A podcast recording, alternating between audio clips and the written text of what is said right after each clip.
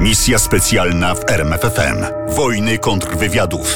CIA kontra KGB. Odcinek trzeci. Wojna koreańska. Stalin spuszcza Kim Il-sena ze smyczy. Spotkali się na 70. urodzinach Stalina. 21 grudnia 1949 roku. Był Mao Tse-tung z Chin, Ho Chi Minh z Wietnamu i Kim Il-sen z Korei. Były akademie, przemowy i toasty, ale były też rozmowy o polityce. Towarzyszu Stalin, Zapytał Kim Il-sen. co byście powiedzieli, gdybym rozpoczął wojnę z Koreą Południową? Musicie się zastanowić, czy nie ściągniecie sobie na głowę Amerykanów. Załatwimy wszystko tak szybko, że Amerykanie się nie zorientują. Ja i Mao uważamy, że uznają to za naszą wewnętrzną koreańską awanturę i nie będą interweniować. Widzę, że już podjęliście decyzję z towarzyszem Mao bez mojej wiedzy. To zaniepokoiło Stalina. Wyglądało na to, że Mao miał ambicje wyrosnąć na pierwszego wodza rewolucji w Azji. Towarzyszu Stalin, Kontynuował Kim. czy pamiętacie, co ostatnio powiedział sekretarz stanu Dean Acheson? Nie? Przypomnijcie mi. Mówił, że Korea leży poza strefą zainteresowań i zobowiązań Stanów Zjednoczonych. Ich interesują tylko Japonia i Filipiny. Wydawało się, że ten argument przekonał Stalina. Skoro Amerykanie nie interweniowali w Chinach podczas wojny domowej, do czego zobowiązywały ich interesy polityczne i gospodarcze, Kombinował Stalin. To pewnie nie ruszą się i tym razem. Tak brzmiała oficjalna wersja dla prasy i historyków. W praktyce opinie Mao i Kim Il-sena nie miały dla Stalina większego znaczenia. Podejmowanie decyzji strategicznych to nie wróżenie z fusów, Tu decydują fakty. a fakty podają raporty wywiadowcze. Stalin jednak stracił zaufanie do swoich tajnych służb. Dlatego wspólnie z Berią i Mołotowem zadecydował o ich reorganizacji. Trzy lata po zakończeniu II wojny światowej na Kremlu zapadła decyzja połączenia dwóch wywiadów radzieckich, wojskowego i cywilnego w jeden komitet informacji, nazywany krótko KI. Pierwszym przewodniczącym tego monstrum został minister spraw zagranicznych Wiaczesław Mołotow. A ponieważ chciał mieć wpływ na operację, Wpadł na pomysł, by w najważniejszych stolicach w Waszyngtonie, Londynie, Paryżu za robotę wywiadowczą odpowiadali ambasadorowie. Skutkiem był niewiarygodny bałagan. skarżył się zasłużony oficer Ilja Dżirkiełow. Rezydenci i zawodowi oficerowie wywiadu nie informowali ambasadorów o operacjach, ponieważ dyplomaci byli amatorami i mieli blade pojęcie o pracy wywiadowczej. Współpracy z rezydentem ambasadorem odmówił nawet as słynnej piątki z Cambridge. Kim Philby. Dlatego z centralą porozumiewał się wyłącznie za pośrednictwem przybywającego nadal w Londynie Gaja Burgessa, kolegi i kolejnego asa piątki. Komitet Informacji zawiódł oczekiwania i zaczął się rozpadać już po roku. Najpierw minister obrony Związku Radzieckiego pokłócony z Mołotowem zabrał swoich oficerów i zaczął odbudowę wywiadu wojskowego GRU. A potem Beria dał zgodę, by wbrew poleceniom Mołotowa zreorganizować wywiad cywilny. Na odbudowę potrzeba było jednak kilku lat. Na razie, to znaczy na początku 1950 roku, nadal panował w nich chaos. Stalin miał jednak swoją efektywną, wspomnianą już piątkę z Cambridge, która mimo kłopotów pozwalała dowiedzieć się, co planuje prezydent Harry Truman. Donald McLean i Guy Burgess informowali o zamiarach i analizach z połączonego komitetu wywiadowczego. Poznali strategię Ministerstwa Wojny.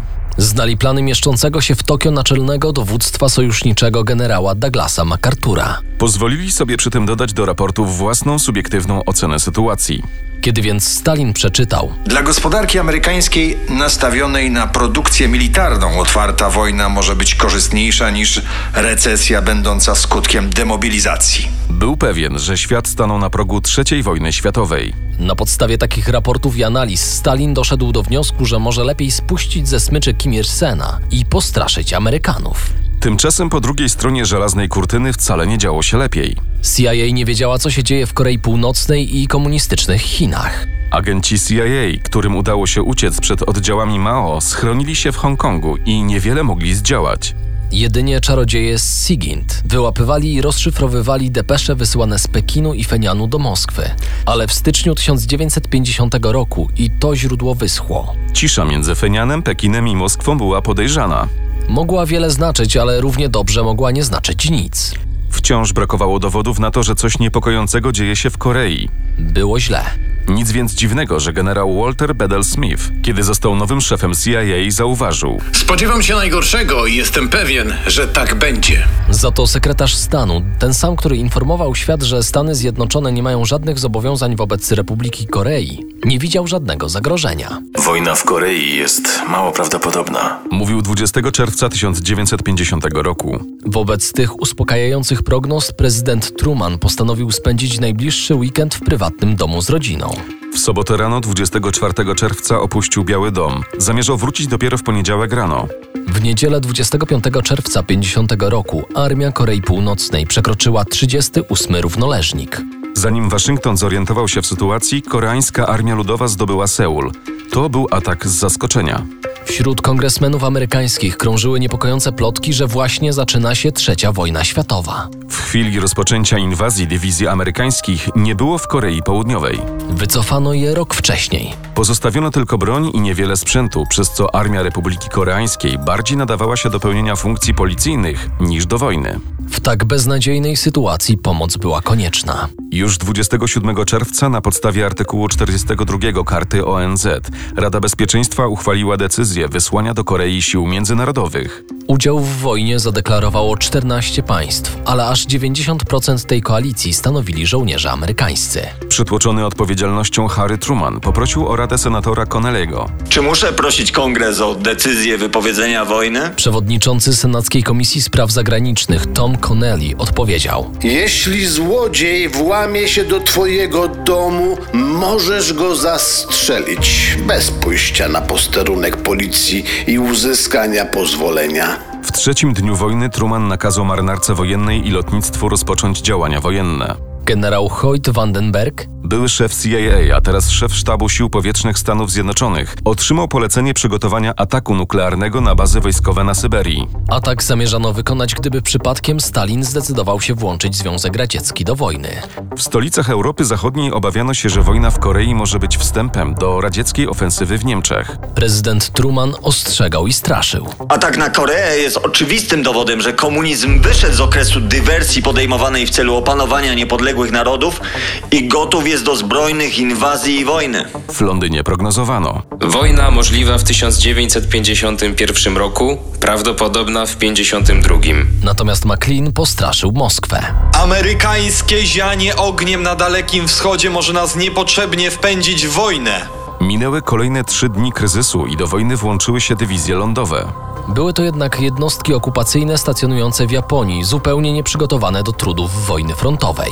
Dlatego należało przygotować nowy, silny kontyngent. Na to jednak potrzebny był czas. W tych gorących dniach w Pentagonie pojawił się sam generał Dwight Eisenhower. Chciał pomóc i doradzić. Poszedłem tam z przekonaniem, że zobaczę, jak wszyscy krzątają się gorączkowo, usiłując zorganizować wojsko, zaopatrzenie i wszystko, co jest potrzebne do uporządkowania koreańskiego bałaganu. Zastałem niezdecydowanie. Po tygodniu pojawił się znowu w Pentagonie. Tym razem znalazłem doradców prezydenta w stanie błogiego zadowolenia z siebie. Skąd ten entuzjazm, skoro na froncie działo się źle? Do 5 września 50 roku Koreańczycy i Amerykanie zostali zepchnięci pod Pusan. Tak, tak, to było to samo miasto, w którym nasi piłkarze zaliczyli falstart podczas Mistrzostw Świata w 2002 roku, przegrywając z Koreą 0-2. W ciągu następnych 10 dni dowodzący armią ONZ amerykański generał Douglas MacArthur przedstawił odważny i ryzykowny plan desantu w pobliżu miasta portowego Incheon, położonego daleko na zapleczu frontu. 15 września na plaży Winchon wylądowali amerykańscy Marines. Zaskoczenie było zupełne. Tym razem żołnierze Kim Il-sena musieli się wycofać, a wycofywali się na całym froncie, ponieważ pod Pusan rozpoczęła się kontrofensywa. W październiku dywizje amerykańskie i koreańskie dobrnęły do rzeki Yalu. Po drugiej stronie były już Chiny. Chińczycy nie przystąpią do wojny. Informowało CIA. Kilka dni później pojawił się kolejny raport. Wojsko chińskie po drugiej stronie rzeki stoi tam tylko dla obrony elektrowni wodnych. Dwa dni później 300 tysięcy żołnierzy chińskich przekroczyło granicę. Zaskoczony 10 Korpus Amerykański wpadł w pułapkę. Złapani jeńcy przyznawali się, że są żołnierzami Mao. Mimo to CIA nadal twierdziła. Chiny nie zaatakują. Z prawnego punktu widzenia mieli rację. Chiny oficjalnie nie włączyły się do wojny. Mao wysyłał armię chińskich ochotników ludowych. Błąd CIA polegał na tym, że nie słuchano komunikatów agencyjnych.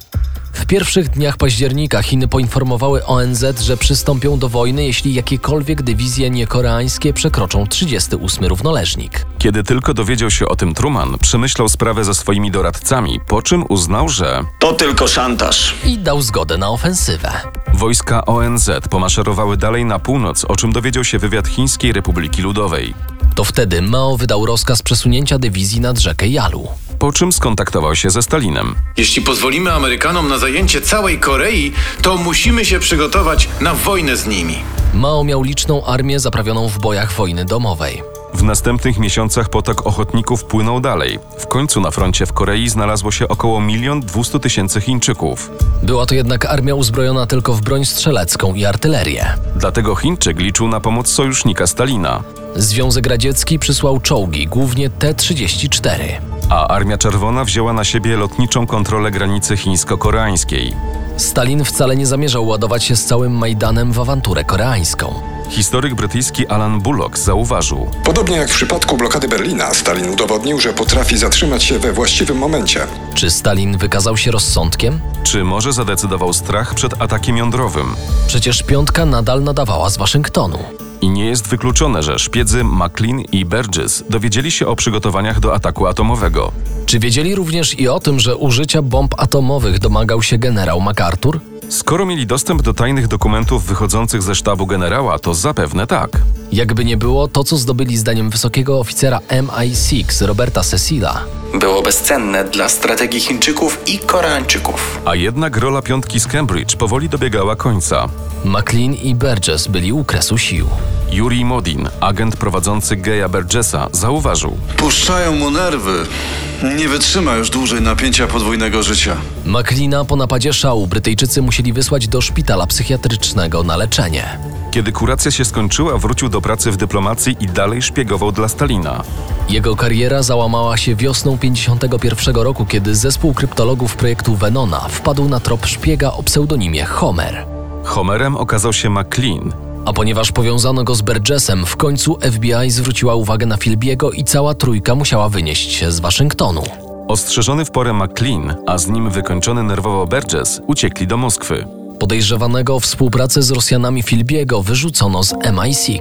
Szukano dowodów jego winy. Aby nie zdekonspirować cennego szpiega, Moskwa zerwała z nim kontakt na trzy lata.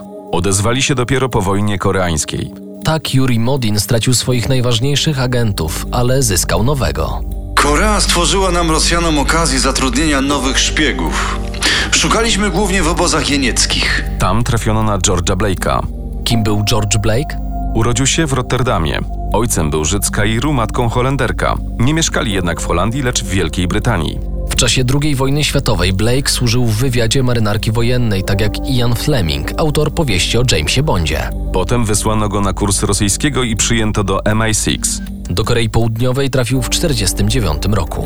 Oficjalnie był wicekonsulem w Seulu. Kiedy dywizje Kim Il-sena opanowały Seul, Blake dostał się do niewoli.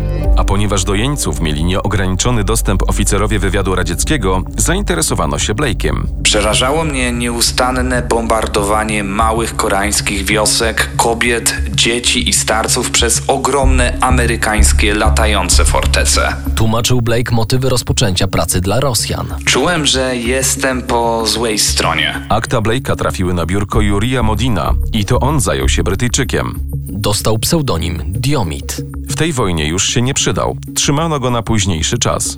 Wojna koreańska zrodziła się z błędów polityków. A błędy polityków wzięły się z błędów wywiadu. Tym razem popełniono je po obu stronach żelaznej kurtyny. Młodziutka CIA była do nowej wojny nieprzygotowana. Wywiady radzieckie opanował chaos reorganizacji. Wojna wyciszyła się latem 51 roku, ale nie wygasła zupełnie. Tliła się jeszcze długo. W ostatnich dniach listopada 52 roku prezydent-elekt Dwight Eisenhower pojawił się w Korei, Chciał zobaczyć, co się dzieje na froncie. a tam generałowie i politycy starali się wymusić na Eisenhowerze zgodę na rozpoczęcie ostatniej, jak wierzyli, ofensywy.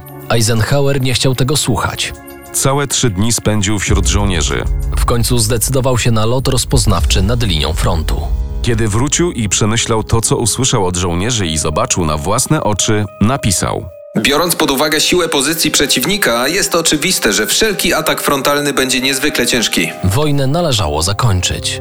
Nie możemy bez końca trwać na froncie statycznym. Sporadyczne ataki na niewielkie wzgórza nie zakończą wojny. W lutym 53 roku, a więc już po inauguracji na stanowisku prezydenta, rozmawiano na spotkaniu Narodowej Rady Bezpieczeństwa o sytuacji w Korei. Zastanawiano się, czy ze względu na trudną sytuację nie użyć broni atomowej. Nie! Zdecydował prezydent. Damy Chińczykom jasno do zrozumienia, że jeśli nie zgodzą się na zawieszenie broni, to użyjemy nowej broni. To poskutkowało. W lipcu 53 roku podpisano zawieszenie broni. A George Blake? Blake w 53 roku wrócił do Wielkiej Brytanii. Po dwóch latach przypomniało sobie o nim MI6.